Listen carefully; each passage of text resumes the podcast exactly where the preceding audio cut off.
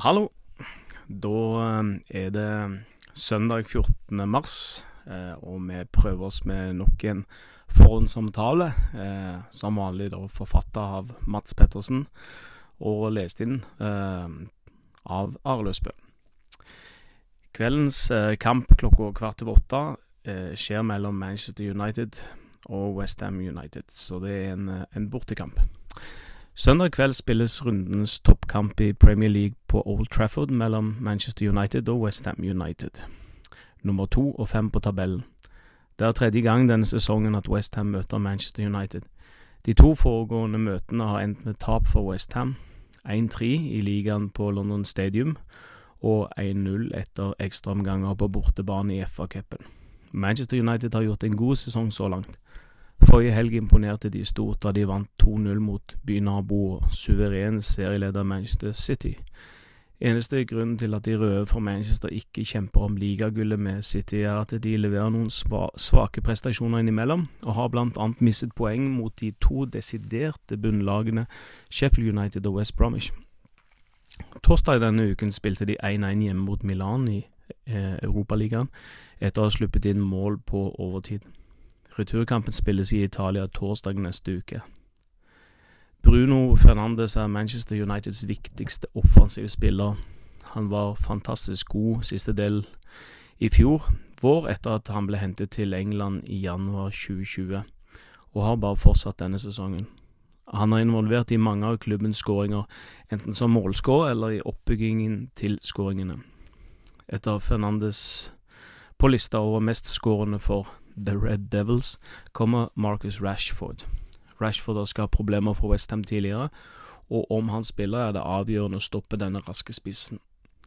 En uh, spiller som etter hvert er i ferd med å bli en nøkkelspiller for Manchester United, er Scott McTomaney. Den skotske midtbanekrigeren har også blitt en trussel framover på banen, og står denne sesongen med syv mål i alle turneringer. I forsvarsrekka har Luke Shaw imponert stort etter nyttår, Venstrebacken som kom fra Southampton eh, i sin tid, spiller i øyeblikket den beste fotballen i karrieren. Da klubbene møttes på London Stadium i desember, var Paul Pogba toneangivende da han utlignet med 1-1 med et fantastisk langskudd. Den franske midtbanespilleren har, var veldig god rundt nyttårstider, men pådro seg en skade i låret mot Everton i starten av februar, fremdeles ute med den skaden. Andre spillere som er eh, uaktuelle på søndag, er Juan Mata og Donny van der Beek. Det er i tillegg flere av spissene som er usikre. Edison Cavani har vært ute en drøy uke, og mye tyder på at han må stå over på søndag. Anthony Matial måtte ut med skade ved pause på torsdag, og han er nok også utilgjengelig. Marcus Rashford har også slitt med en ankelskade han pådro seg mot Manchester City forrige søndag, men han kan bli spilleklar til kampen mot Westham. Unggutten Ahmad Diallo kom inn for materiale i Europaligaen og skåret like så godt hjemmelagets mål med en frekk heading. Det er nok tvilsomt om 18-åringen starter mot Westham, men en annen unggutt, Mason Greenwood, spiller nok helt der framme, og han har også en giftig angrepsspiller som vet hvor målet står. Manchester Uniteds førstekeeper, David De Gea, har vært i Spania i den siste tiden av familiære årsaker. Han er nå tilbake i England, men Karantenereglene gjør at det er ulike signaler på om spanjolen er spilleklar på søndag.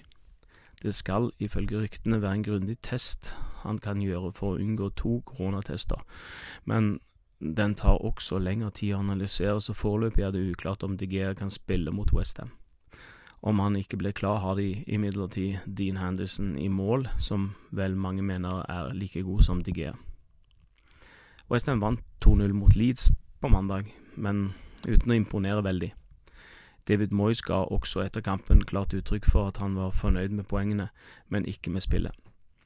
Det er likevel sterkt å vinne på litt dårlige dager, noe som beviser at klubben denne sesongen har blitt et topplag. Lukas Fabianski var heldigvis tilbake etter sin albueskade sist, og polakken hadde flere gode redninger i andre omgang mot Leeds. I forsvaret for øvrig var igjen Craig Dawson svært sentral med scoring, og veldig godt stopperspill. Enkelte snakker nå om at 32-åringen kan være aktuell for Englands EM-tropp til sommerens sluttspill. Det hadde i så fall vært litt av en historie etter at han er på lån fra championship-klubben Watford, og visstnok kan signeres permanent for et sted mellom to og tre millioner pund. Jesse Lingard skåret mot Leeds sitt fjerde mål på seks kamper etter lånesigneringen i januar. Denne helgen er han imidlertid ikke spilleberettiget ettersom motstander er klubben som eier han. Eh, det er selvsagt synd for, for Westham, ettersom Linga har vært svært sentral i det klubben har prestert offensivt de kampene han har spilt. Etter flere kamper som innbytter var Seid Ben Rama igjen i startoppstillingen mot Leeds. Ben Rama spilte en meget god kamp, og det var samspillet mellom han og Linga som førte til straffespark og Westhams første mål i kampen. Men Rama satt på benken i store deler av cupkampen på Old Trafford for noen uker siden, men forhåpentligvis så vil vi se den tekniske spilleren fra start nå. På skadelista til Westham finner vi fremdeles Ogbonna, Masuaku og Yamalenko. Masuaku er den som tidligst vil være spilleklar da han nå er i full trening. I tillegg er Darren Randolph usikker med, som følge av sin hofteskade, mens Ryan Fredericks har kjenning til en strekk. Eh, David Moyes sa forrige på fredagens pressekonferanse at det er et par andre spillere som også har småskader, og som må testes nærmere før kampstart. Han var imidlertid taus om hvilke spillere det var snakk om. Forhåpentligvis vil alle andre enn de ovennevnte være spilleklare søndag kveld.